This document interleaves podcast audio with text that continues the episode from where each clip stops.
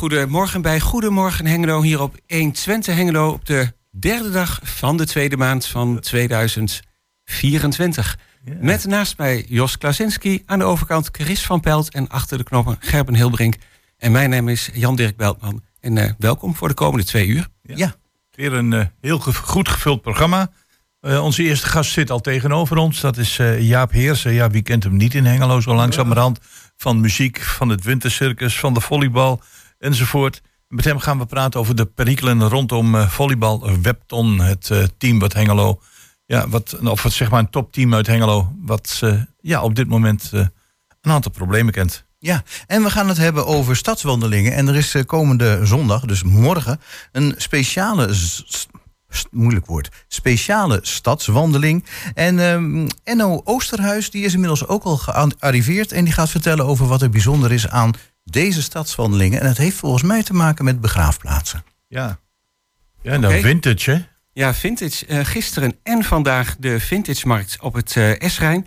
We gaan straks bellen met Heidi Pollemans daarover. Ja. Ja. ja. En we hebben nog uh, het Repair Café. Daarover gaan we bellen met um, ja, Nicolette, Nicolette Nijhuis. Oh, ja? Nicolette Nijhuis. Um, ja, en ik krijg nog hier een blaadje doorgespeeld. Maar ik het weet gaat niet over de naam. Nee, maar daar kijken we straks eventjes naar. Uh, het, is, uh, het is N.O. Oosterhuis en niet N.O. Oosting. Ik heb okay. zojuist nagevraagd. Ah, kijk, kijk, dat is wel fijn dat we dat even weten. dus je mag het... het tweede ja. uur. Ja. En het ja. tweede uur, ja. Uh, onder andere aandacht voor schouwarts met uh, Gisela Scheper. En aandacht voor de Twentse lichtparade die weer uh, aanstaande is. Ja. ja. En zoals altijd sluiten we af met uh, de Schober. Maar eerst een stukje muziek. Van uh, Earth and Fire en Weekends. Weekend.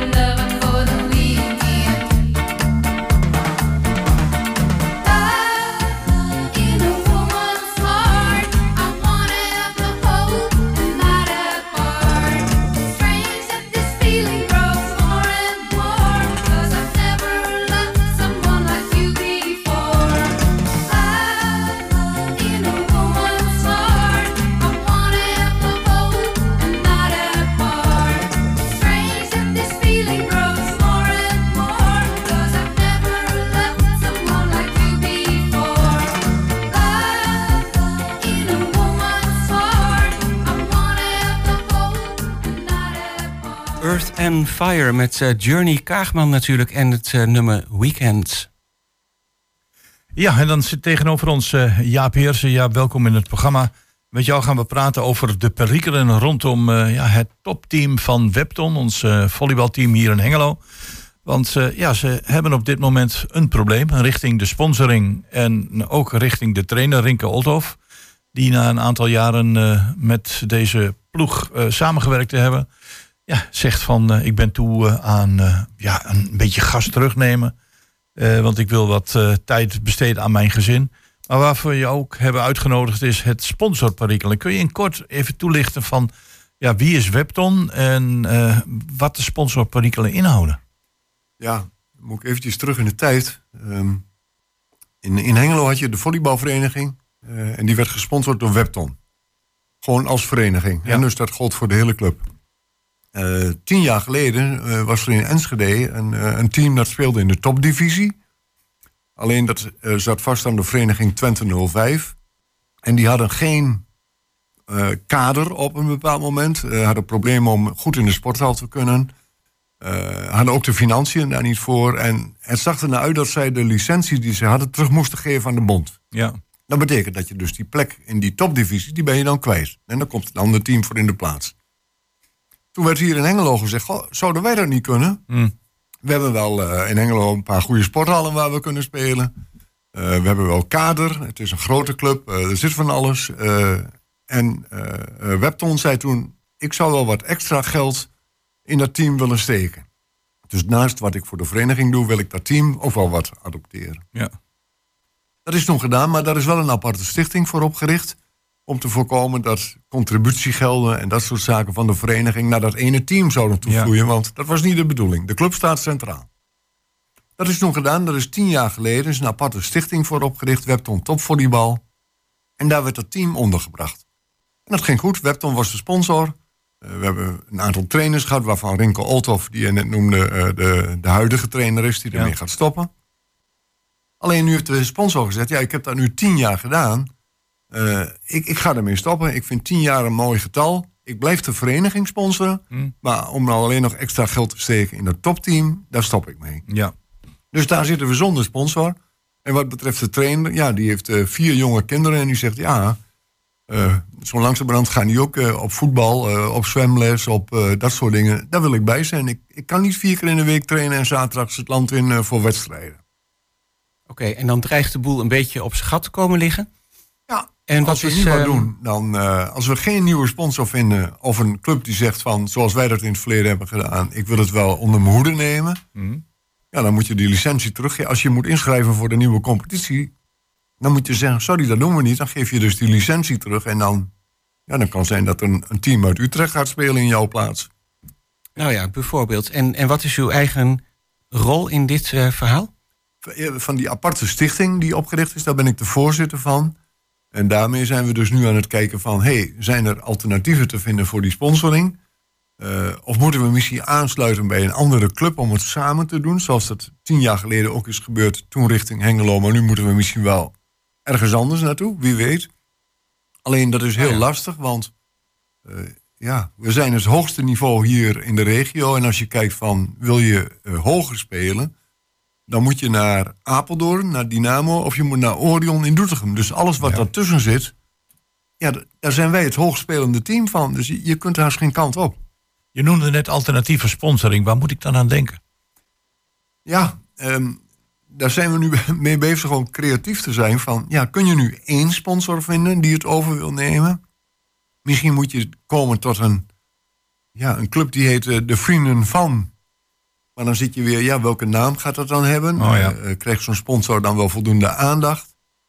Eh, moet je misschien eh, eh, eh, 25 eh, sponsors vinden van 1000 euro? De vrienden van? Ja, bedenk het maar. Die dingen zijn we nu aan het onderzoeken. Van, ja, wat, zit, wat zit er in de markt? Wat, wat zou kunnen? Maar is, is het dan ook zo dat, dat Webton, ik bedoel, en dat bedoel ik als, als vereniging, ook een beetje een kweekvijver is voor regionaal, misschien wel in de toekomst nationaal talent? Want dat zou dan wegvallen. Ja, nou, dat, dat valt tegen. Eh, maar dat heeft te maken met eh, wat er met het mannenvolleybal in Oost-Nederland aan de hand is. Eh, Hm. dat- wordt steeds minder. steeds minder animo voor. De dames die spelen op een hoog niveau. Er zijn ook veel meisjes die steeds gaan volleyballen. Maar de aanwas van jongens is, is minimaal. Maar dus dan, dat wordt heel moeilijk. Maar dan heb je, kijk, het, het elft of het elftal, het team van Webton, dat speelt op één na hoogste divisie, dacht ik. Ja. Ze staan op dit moment niet bovenaan. Dat, Nee, nee, nee, nee. Staan onderaan zelfs. Maar dat gaat veranderen, heb ik begrepen van de trainer. Dus. ja. Oké, ze doen hun best. Ja, ja, ja. Nou ja, ik heb ze een paar keer zien spelen. Ook eh, naast jou gezeten toen Ja. in de sporthal. En ja, voor zover ik daarover kan oordelen als ex-volleyballer, vond ik het niveau best wel hoog. Ja, dat is ook wel zo. Alleen, eh, ja, blijkbaar is het toch eh, voor jongens minder aantrekkelijk om te gaan volleyballen dan voor meisjes. Ja, waar dat precies in zit, weet ik niet. Maar het is ook wel een landelijke tendens eigenlijk. Ja, en, en speelt dan eh, het, het vertrek van een trainer en de sponsorperikelen, gaat dat tussen de oren zitten van de spelers? Ja, ja ik zeg het nu heel arrogant. Ehm, als je hier nu speler van bent van dit team, waar moet je dan naartoe? De alternatieven die zijn er eigenlijk niet. Of je gaat laag spelen, dat je zegt, nou, ik ga van vier keer in de week trainen naar één of twee keer trainen. En ik ga een beetje recreatief spelen. Derde divisie. Of, maar dan, dan ga je dus drie klassen lager spelen. En anders moet je richting Apeldoorn, Doetinchem. Dus zit je een behoorlijk eind uit de buurt. Ja, en, en dat zijn eh, mensen die of hier werken, eh, wonen of eh, hier studeren. We hebben een aantal jongens die zitten ook in de buurt van Jong Oranje. Die zijn daaraan gewend. Maar dat zijn er misschien een paar die dat stapje maken. En de rest gaat dan, dat daalt in, in, in de reguliere competities. En dan wordt het meer recreatief. En dan zijn we de top dus kwijt. Ja, en, en, dat, en ja, ik weet niet in hoeverre je daar dan kunt aankloppen. Het zal best wel moeilijk zijn bij een, een gemeente. Dat je zegt van, eh, kijk, wij hebben een representatieve functie voor, eh, voor het volleybal in Hengelo. We zijn misschien wel eh, een kweekvijver. En daar plaats je nog even een vraagteken bij. Is dat een optie om daar aan te kloppen? Of Daar zijn we een aantal jaren geleden mee bezig geweest. Toen we zelfs de mogelijkheid hadden om te stappen naar de eredivisie. Hmm. En dat, eh, toen eindigden we op een tweede plaats. En degene die kampioen werd, die, eh, die, die zag dat niet zitten. Die trok zich terug. Toen kregen wij de gelegenheid om naar de eredivisie te gaan. Toen zijn we ook bezig geweest met de gemeente Hengelo. En eh, kunnen jullie ons helpen? Ja, hoe moeten we jullie dan helpen? Nou, door bijvoorbeeld te zeggen, nou, geen zaaluur te rekenen voor elk uurtje dat we erin zitten. Op die manier bijvoorbeeld. Ja, ja. Maar dat heeft het niet gehaald. Men had twee belangrijke dingen. Dat was de trainingsplek voor FC Twente rond het Veldwijkstadion. Het Twentebad. Dat waren de twee. En de FBK-games. Dat waren de drie dingen ja. waarvan men zei... ja, daar, daar willen wij aan meewerken. En de rest, ja, je bent gewoon klant. Dan moet je maar huren. Nou, toen waren we daar klaar mee. ja FC Twente valt af.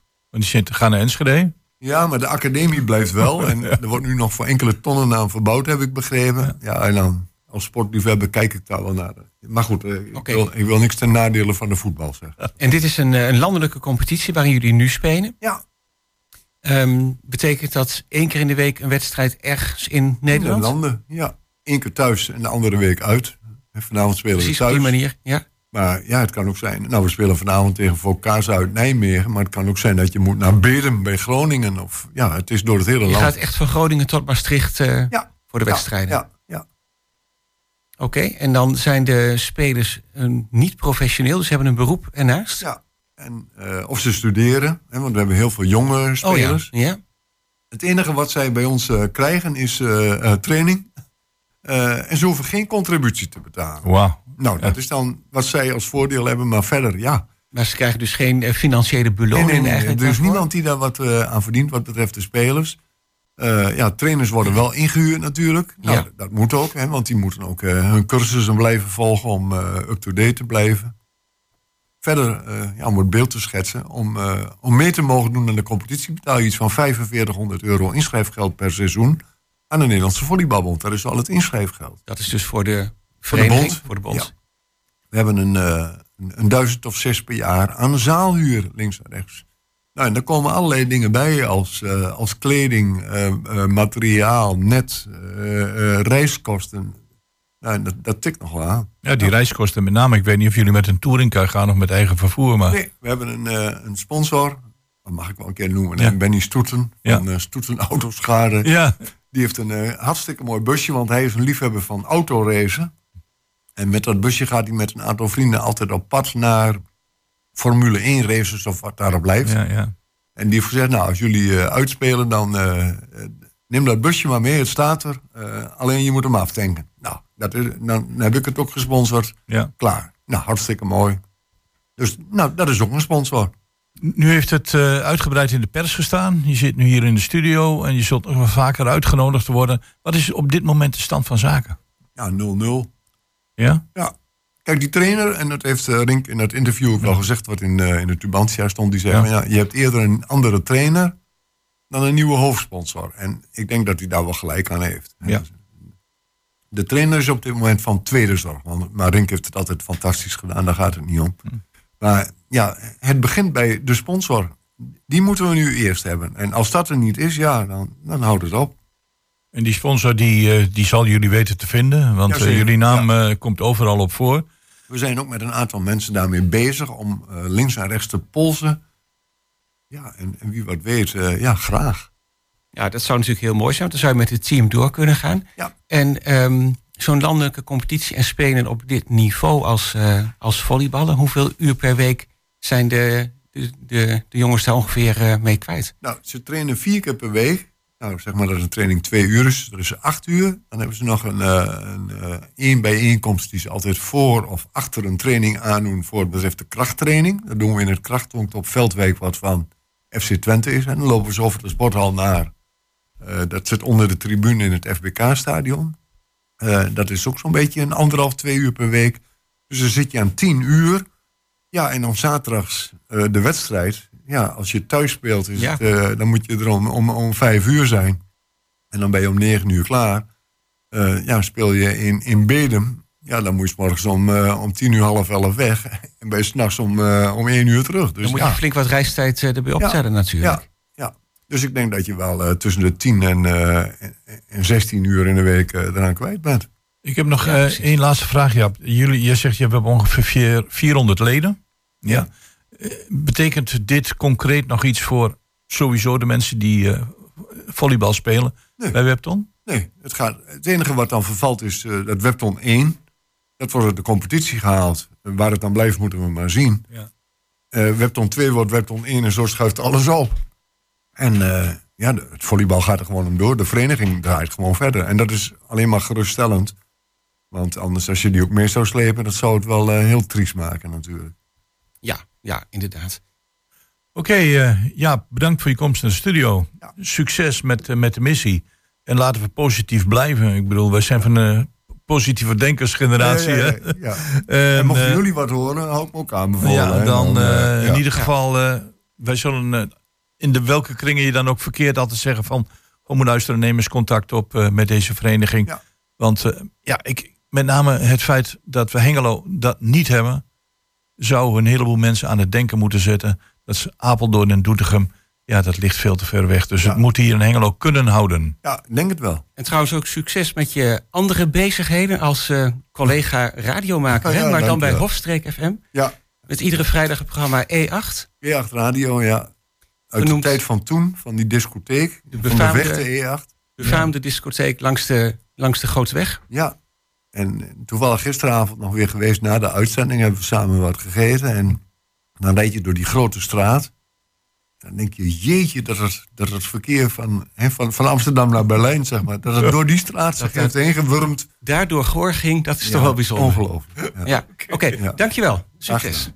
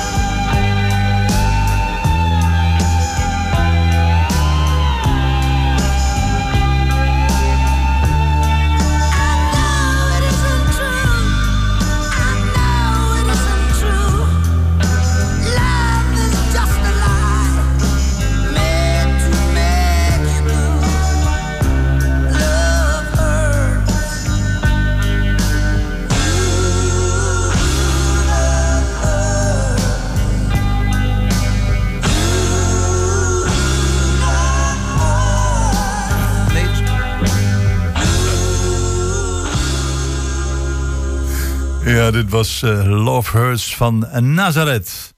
Ja, en dan gaan we nu naar iets heel anders. Naar een speciale stadswandeling die gehouden wordt morgenmiddag. En ehm, we hebben tegenover ons Enno Oosterhuis en die weet... Nou ja, ik wou haast zeggen alles van begraafplaatsen... maar misschien is dat wel te veel gezegd. Goedemorgen. Goedemorgen. Ja, eh, ja wat weet, hoeveel weet je van begraafplaatsen? Om meteen maar met de deur in huis te vallen.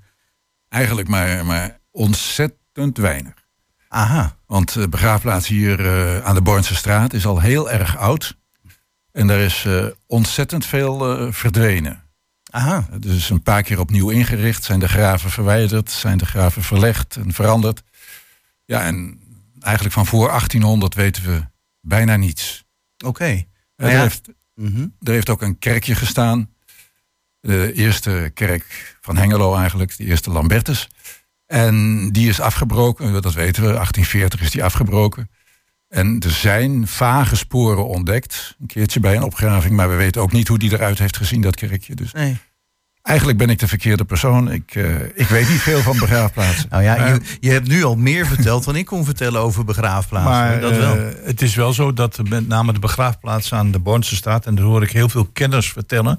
op het moment dat ze dat poortje doorlopen... is er wel een wauw gevoel van... hé, hey, we wisten niet dat dit in Hengelo zo mooi en zo markant is. Ja, Los van wat er verdwenen is. Het is inderdaad. Het is een, een, hele bijzondere plaats in Hengelo, de begraafplaats. Het eh, ademt een, eh, een sfeer van rust uit hier, hier vlak in het, bij het drukke centrum. En dat is gewoon heel fijn om daar te zijn. Het is natuurlijk eh, straks in mei weer. Dan wordt er één keer per jaar wordt er in mei een concert gegeven op de begraafplaats. Kan je daar zitten, muziek luisteren. Dat is echt een fenomenale ervaring om dat eh, zo midden in het centrum van Hengelo mee Ja. te maken. Ja. ja, je begon net al over dat kerkje die bij de begraafplaats zat. Daar dan in de buurt van het eh, zeg maar huis van Hengelo. Ja. Ja. En, eh, maar ehm, er is ook een bepaald mysterie bij van dat kerkje. Staat er ook echt in de middel of, of stond in de middle of nowhere. Niet naast bebouwing. Niet met een of andere café er tegenover. Zoals je van een kerkje mag verwachten.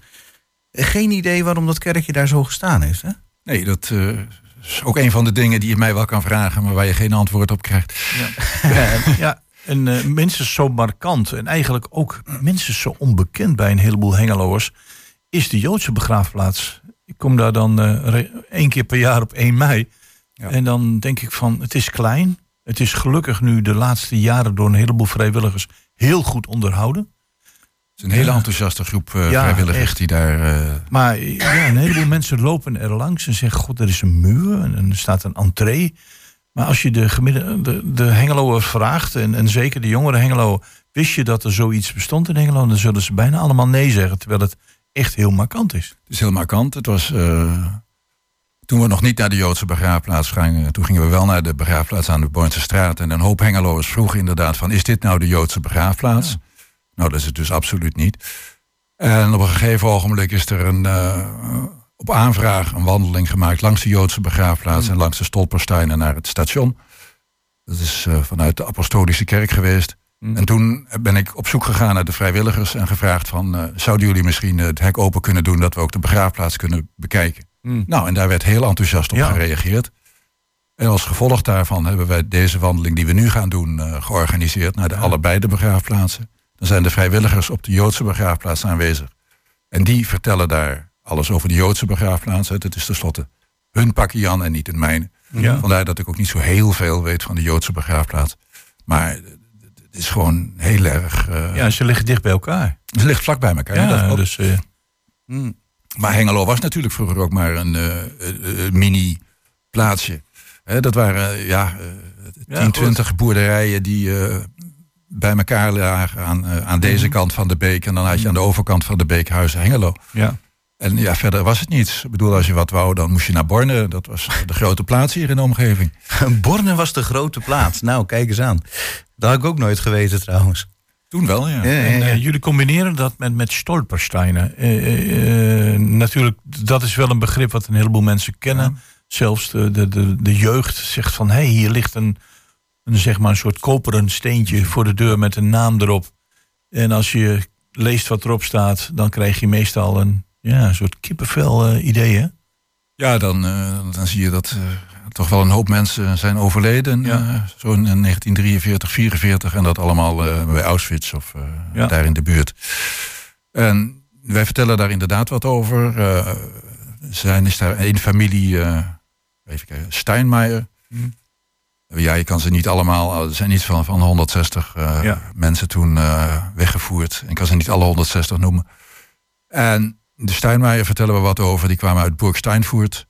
En die hadden daar een eh, bedrijf in eh poets, katoen en dat soort dingen. eh, hulpmiddelen voor eh, de industrie. Jozef Steinmeier zelf, die was, eh, had het ijzeren kruis gekregen in de Eerste Wereldoorlog. Had hij in de- als Duits soldaat eh, in, in België gevochten. En na de, eh, hoe was het, de kristalnacht eh, vond hij het toch eh, veiliger om eh, bij zijn schoonouders in Hengelo te gaan wonen. En toen is eh, eerst een gezin naar Hengelo verhuisd. En hij heeft zijn werkzaamheden afgebouwd en is hij ook hier komen wonen. En dat is dus in 33, 34 geweest. En een jaar later heeft eh, natuurlijk het nazisme hem weer ingehaald. Ja, ja, Ja. ja. het bijzondere aan al deze stenen is dat er al van elke steen is een verhaal, hè? Ja, maar het, eh, het jammere vind ik van Hengelo is dat die, die verhalen, die moet je echt heel, heel, heel goed zoeken. Het is niet zo, je, je vindt een stolperstein en je zoekt ergens eh, met een QR-code. En je hebt het verhaal over. eh, En zo is de, de burgemeester bijvoorbeeld, eh, of de oud-burgemeester, die heeft de stolpersteinen voor zijn eigen huis onderzocht. eh, wat, wie daar gewoond had en wat ze gedaan hadden. En die is daar ook een behoorlijke tijd mee bezig geweest om dat boven water te krijgen. Ehm, op de begraafplaats zelf, ehm, de, de algemene begraafplaats dan, eh, dan noemde je ook graftrommels. En daar kon je dan ook wel wat over vertellen. En ik was eigenlijk heel benieuwd, want graftrommels, dat zegt me nog even helemaal niks. Nou, normaal, ja, je hebt natuurlijk een heel simpel graf, want daar zet je dan een houten kruisje bij. En oké, dat is het allersimpelst. En dan heb je dure graven met een eh, mooie grafsteen, mooi bewerkt. En al als tussenvorm is van 1850 ongeveer, hebben ze ook eh, trommels gemaakt met daarin een foto van de overledene en wat kunstbloemen en een glazen plaat voorop. En dat werd dan eigenlijk als grafsteen gebruikt.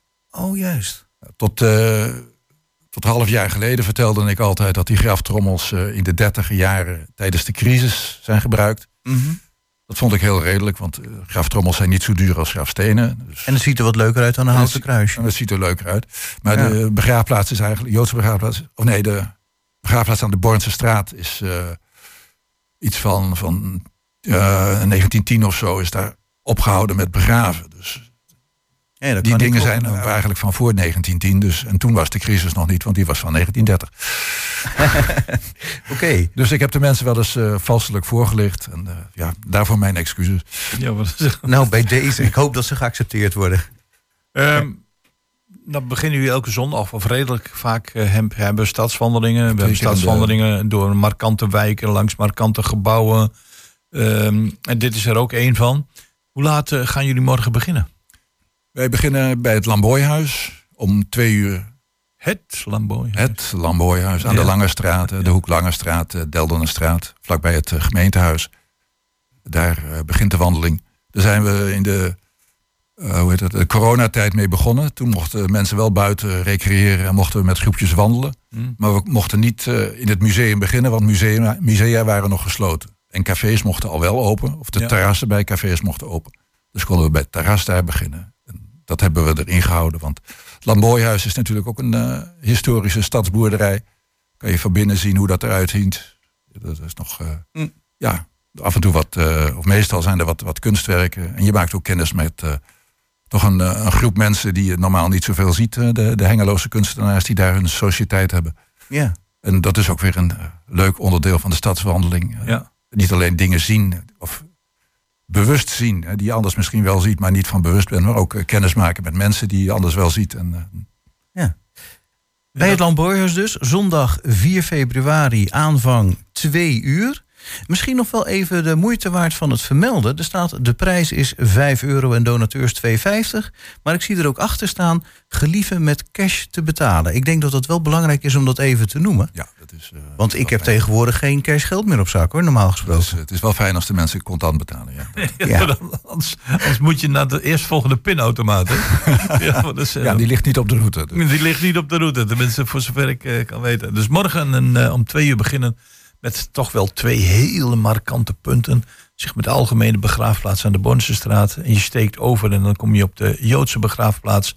Minstens net zo interessant. En altijd achter de muur gelegen met een eh, groot mysterie. Maar dat eh, wordt dan, eh, ja, wordt dan, dan, dat laten jullie dat zien door de vrijwilligers morgen tijdens die wandeling. Ja, die vrijwilligers van de, die, die daar werken op de Joodse begraafplaats, die leiden de mensen daar rond. en Die vertellen wat over Freco en over het monument wat er staat, over de gewoontes, tradities.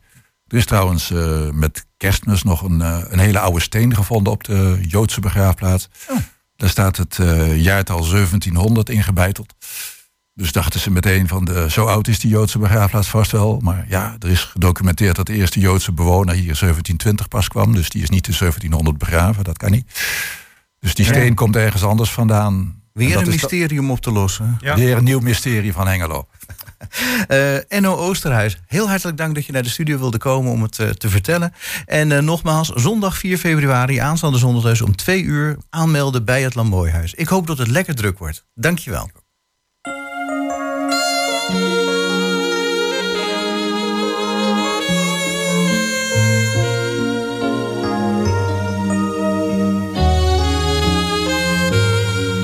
If I had to live my life without you me, the days would all be empty.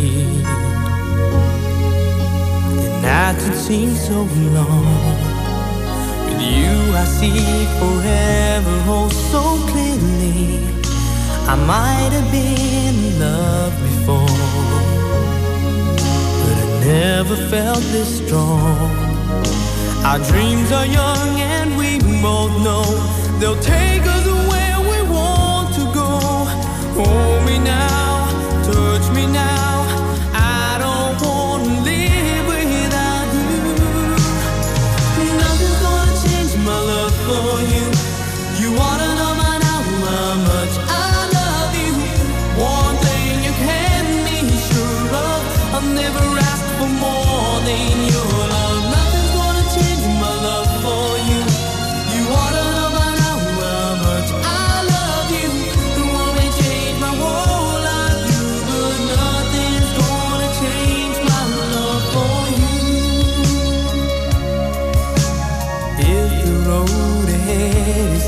so easy, our love will lead a way for us.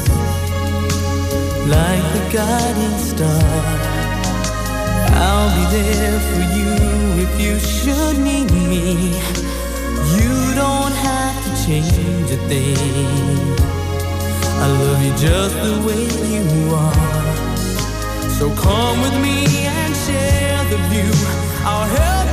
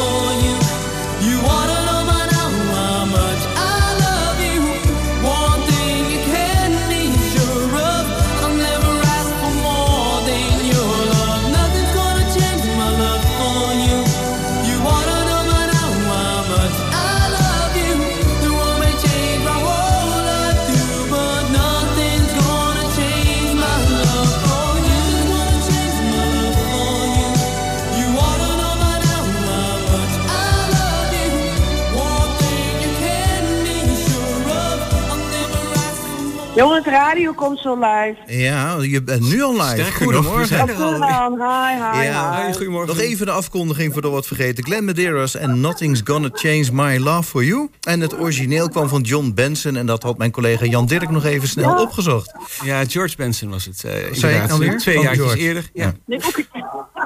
Ken je vast wel eh, uit de vintage platenbak uit de midden jaren tachtig?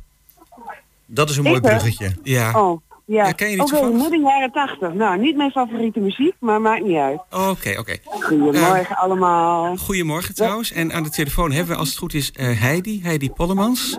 Ja, klopt. Ah, ehm, over de vintage markt. En vandaar dat we ook een beetje over ehm, muziek uit eh, vroeger tijden spraken. Eh, maar het was niet helemaal jouw smaak, midden jaren tachtig. eh, wat, eh, als ik die muziek wat je draaide. Ja, toch wel? Ja, die muziek die je draaide, dat is niet mijn ding, maar de jaren tachtig is wel mijn ding. Ah, precies. eh, andere muziek uit de jaren die tachtig. volgorde moet je hebben. Prima. En eh, eh, waar je ook gek op bent, is spulletjes uit vroeger tijden, heb ik begrepen. Spulletjes. Er Ja, is een ja. vintage markt, ehm, die gaat geopend worden straks om 11 uur. En er is gisteren ook al geweest. Ja, klopt. En vertel eens, verkoop je daar zelf spullen? Of bewerk je spullen voordat je ze verkoopt? Nou, ik zal eens even van slag gaan. We zijn hier nu eh, met z'n allen aan het voorbereiden. Om 11 uur gaan we open. En ehm, gisteren was het bijvoorbeeld eh Louis Druk. Het is echt eh, niet te geloven over de koppen te lopen. Het Oké, was een superleuke dag. We hebben allemaal ehm, bijzonder veel aandacht aan de markt geschonken. Het ziet er heel mooi ingericht uit. Ehm, zelfgemaakte dingen zoals kussens. En even kijken, lampen. Maar ja, dan zie je een mooie collectie met oude wijnglazen heel veel. En uh, serviezen en tafeltjes. En ja, wat, wat, wat zie ik allemaal? Gebruikersdingen. Het is Mhm. gewoon, je kan je hele huis ermee inrichten. ja, het is tafel. zo te horen inderdaad helemaal van alles wat. Maar wat je zegt, eh, je kunt het allemaal wel in je huis tegenkomen en plaatsen. Ja. Ja, ja, wil je gewoon wat toetsen, heb je een leeg huis. Ja, kom maar langs. En het wordt gewoon gevuld met prachtige stylish. Ja, kleding is er ook. Kleding, eh, Ja? kinderkleding zie ik. Ehm, ja, van die gistflessen hebben we nog volop. Ik zie heel veel kandelaars. Mhm. Ik zie kaarsen.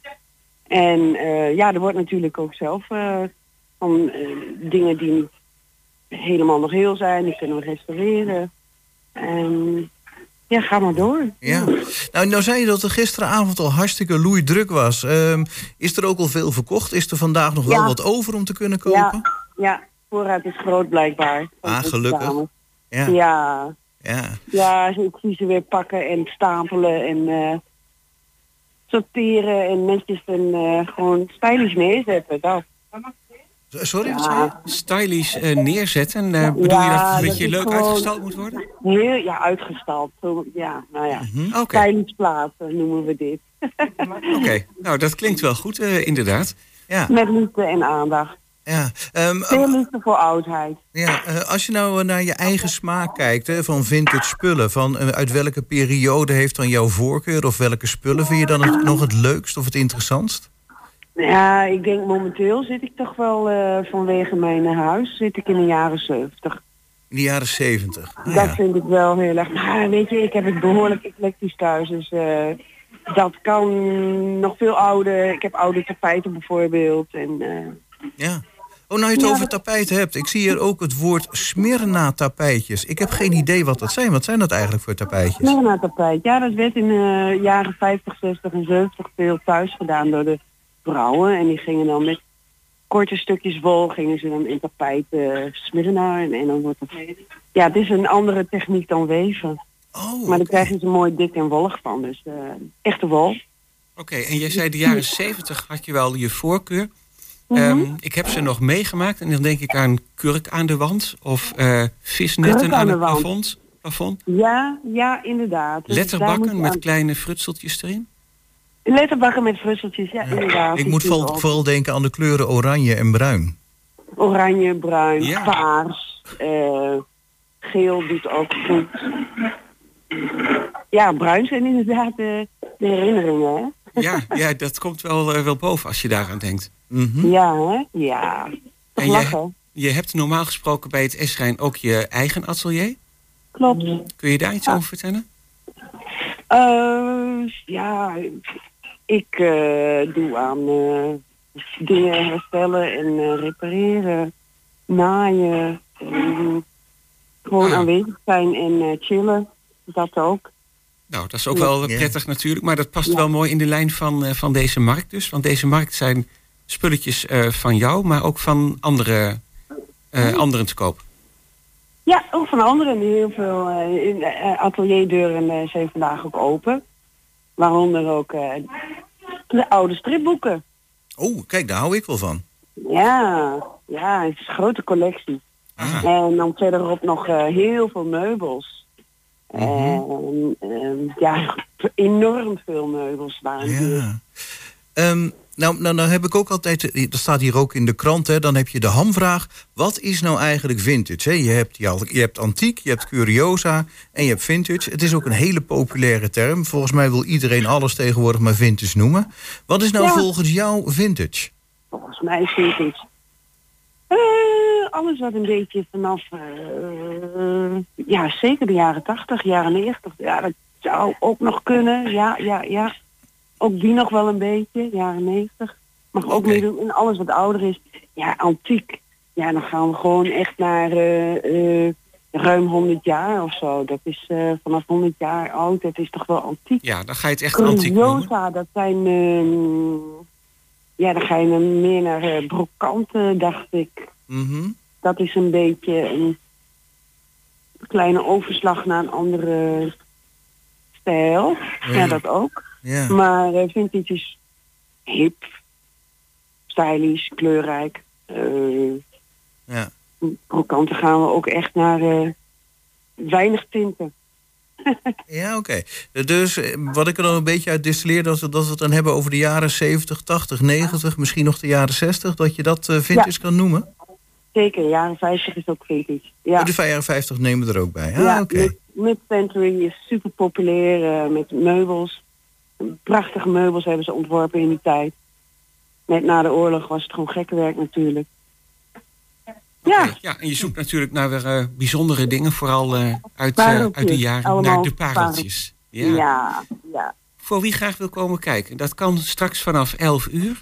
Ja, Ehm, al vijf uur vanmiddag. Ja, en dat is eh S-rijn nummertje Zeven. nummer 7. Oké. Ja. Ehm, vanmiddag. Daar waar aan de andere kant alles gesloopt is, helaas. Ja, Ja, en dit pand zou eventueel ook nog gesloopt worden, maar dat zien we allemaal natuurlijk helemaal niet zitten. Want je kunt die prachtige dingen doen in zo'n groot pand.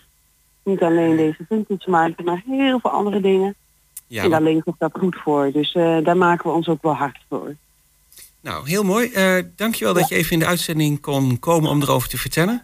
Ja, En ehm, ja jij bedankt dat ik werd uitgenodigd. ja, fijn, graag gedaan. En heel veel plezier met de Vintage Markt vanmiddag. Heidi oké. Pollemans, dankjewel. Ja, jij bedankt. Tot ziens. Bedankt. I heard the sound of children's laughter. Now it's quiet, so I guess they left the park. This wooden bench is getting harder by the hour. The sun is going down, it's getting dark. I realize I'm cold, the rain begins to pour as I watch the windows on the second floor. Are on, it's time to go. It's time at last to let him know.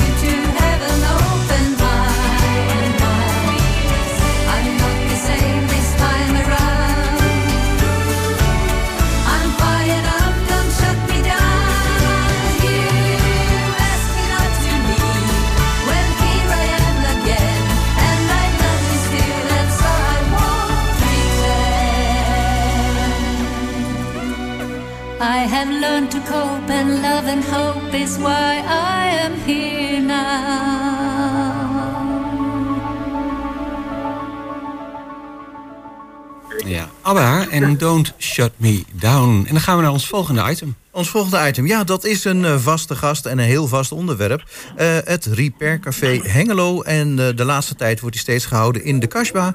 En vanuit de Kasbah staat daar weer onze vaste commentator, zou ik haast willen zeggen. Nicolette Nijhuis. Goedemorgen. Ja, goedemorgen. Ja, ja hè, ik wou zeggen, doe- ehm, we vinden het altijd leuk als je verslag doet van wat er allemaal aan eh, apparatuur en defecte spullen binnenkomt. Ehm, ja, jullie zijn net drie kwartier, vijftig minuten geleden begonnen. Eh, is Ja. er alweer een eh, grote aanwas van spul? Ja, het zit alweer helemaal vol. Eh, mensen zelfs in de wacht, dus eh, we hebben een eh, ja, een druk programma eh, vandaag. Dus eh, Aha, mensen weten jullie eh, te vinden in het Repair Café. Ja, Nou, en Ja. het is weer van alles wat er langskomt. Uh, ook de natuurlijk de koffiezetapparaten, die eh, ontgaan we eigenlijk nooit, die zijn er eigenlijk altijd. Platenspelers zijn ook eh, vandaag wel eh, hot items. oké. Eh, videorecorders, eh friteuses, eh, ja, van alles, magnetrons. Videorecorders, dat vind ik een leuke. Ik bedoel, ik heb mijn videorecorder een tijd geleden al weggedaan... omdat het eh, een beetje achterhaald is. Maar eh, veel mensen willen hem toch nog wel kunnen gebruiken, blijkbaar. Ja, die vinden het toch nog eh, ja, wel gezellig om eh, toch nog een oude vi- videoband op te zetten. Eh, het zijn ook wel meestal inderdaad oudere mensen die waarschijnlijk het ook niet zo mooi vinden om het dan te digitaliseren. Die nog gewoon lekker ouderwets met een videorecorder, videorecorder willen werken. Ja, Nou, precies. En zolang hij het nog ja. doet, denk je dan natuurlijk ook van... nou ja, hij doet het nog. Nou en dan ja, ja. komt toch het moment dat je ermee eh, naar het Repair Café moet. ik ja, moet- dan zit de band vast of dan eh, loopt het Ja. niet, eh, niet goed. Dus eh, ja, Nee, en ik dan kijken de doktoren erna en dan... Ja, precies. Ja. Ja, dat idee. Hey, ik zit nou net aan mijn oude auto te denken, die allemaal mankementen. Maar ik kan met mijn auto beter niet langskomen, denk ik, hè? Nee, die auto past, niet, eh, past hier niet binnen, dus dat, eh, dat doen we niet. Nee. Het is echt eh, ja, de huishoudelijke eh, gangbare apparaatjes die je zo eh, op de hand mee kunt nemen hier naartoe. Ja. En dan eigenlijk het liefst dat, eh, dat het samen gerepareerd wordt, zeg maar. Dat degene die het brengt even mee helpt om de boel uit elkaar te halen en, en, de oorzaak te achterhalen. Dat Ja. zou het mooiste zijn. Ja, even meekijkt, even meehelpt. Ja. Ah, dat, Misschien dat- nog even een onderdeeltje gaat halen ergens eh, waar dat nodig is. Ja, indien nodig inderdaad. eh, dat ze zelf even nog een onderdeeltje halen. We hebben natuurlijk wel wat... eh, kijk, als een kabeltje kapot is, dat hebben we hier eh, wel liggen. En oude onderdelen van koffiezetapparaten proberen we ook wel eh, hier te, te houden. Oh ja. We proberen wel zoveel mogelijk te recyclen. Maar eh, ja, soms is het toch echt nodig om een onderdeeltje te kopen. Ehm, ja, er schieten me nou verschillende vragen te binnen. Maar ehm, wat ik ook wil vragen, ik hoorde je zeggen dat er ook aardig wat eh, platenspelers of eh, pick-ups, zoals dat vroeger heette, ge- gebracht worden. Kun je merken dat het er ook meer zijn dan eerder? Want ik begreep ook dat jongeren de, de platenspeler weer een beetje herontdekt hebben. Zit er een stijging in het aanbod? Van, ja, nou goed, op zich wel. We hebben er nu vandaag drie volgens mij. En een hele ouderwetse, echt helemaal in een houten doos eh, die je nog aan moet slingeren zo'n beetje. Oh, wauw. Dus eh, het lijkt wel inderdaad eh, iets hot item te worden. Ja, ja, ja, dan moet je er ook wat meer onderdelen voor in huis halen voor de volgende keer misschien. Nou ja, en een bijzonder is natuurlijk ook nog wel de kledingreparatie, hè? Dat, Ja.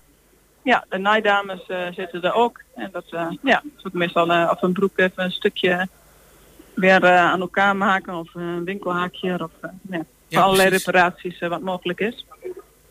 Dan, eh, daar komen mensen natuurlijk ook wel graag mee. Want dan is het eh, een kleine reparatie en dan kan het misschien weer tijden mee. Ja, Ja. En dan hoorde ik je zeggen dat er eigenlijk al rijen ontstaan. Eh, Je hebt natuurlijk ook een be- eh, beperkt aantal reparateurs. En de een die is misschien wat beter in koffiezetapparaten... en de ander is wat beter met eh, naald en draad. Eh, hebben jullie ook wel genoeg vrijwilligers om alles te repareren op zo'n zaterdag? Eh, op zich hebben we best wel veel vrijwilligers, maar goed, je merkt toch, eh, zoals nu eh, met de ziekte, ziekte-epidemieën die er rondwaaien, dat we ook wat reparateurs ziek hebben. En zijn er ook wat die, ja, die wat anders hebben, zeg maar. Maar meestal zitten we toch wel met een man of ja, 20, 25 hier. Oh, zoveel Ja, en zoals nu in dit geval zou je denken van ja, liever nog iets meer reparateurs eh, hier. Maar goed, daar moet ook, ook plek voor zijn natuurlijk. Dus, Ja. daar zouden er nog wat bij kunnen, maar ja. Zijn toch ook al met een, eh, met een flinke club dus. Nou zei je, het was al Ja. vrij druk. Kunnen mensen nog komen? Want jullie zijn geopend van 10 tot 1. Ja, komen kan altijd. het is nu Ah. wel, eh, wel in de wacht. Eh eens kijken, het is nou twee, vier, zes, zeven mensen in de wacht. Dus dat, ja, en dat ligt, ligt eraan. We kunnen nooit zeggen van het, met een kwartiertje ben je aan de beurt. Want ja, het ligt gewoon aan hoe lang een reparatie duurt. eh. Ja, De ene reparatie is sneller klaar dan de andere. Dat snap ik. Dat is van Dus, eh, tevoren ja. eh, soms nog een grote verrassing. En ook of het lukt misschien. Ja, Maar eh, je kunt dus nog komen. Tot, eh, tot één uur zijn jullie geopend. Maar Ja. hou er rekening mee dat je soms wel eventjes moet wachten. ja inderdaad. Nou, daar komt het dan op neer. Eh Nicolette, we willen je voor deze keer weer bedanken voor een verslag. Dit was weer de eerste van 2024, hè, als ik het goed begrepen heb. Nee, de tweede al. Oh, de tweede alweer. Loop ik er toch Ja, weer eentje ja. achter. Hè? Jammer. Eh, in ieder geval de tweede van 2024. Bij de volgende, dat zullen we ons waarschijnlijk wel weer melden.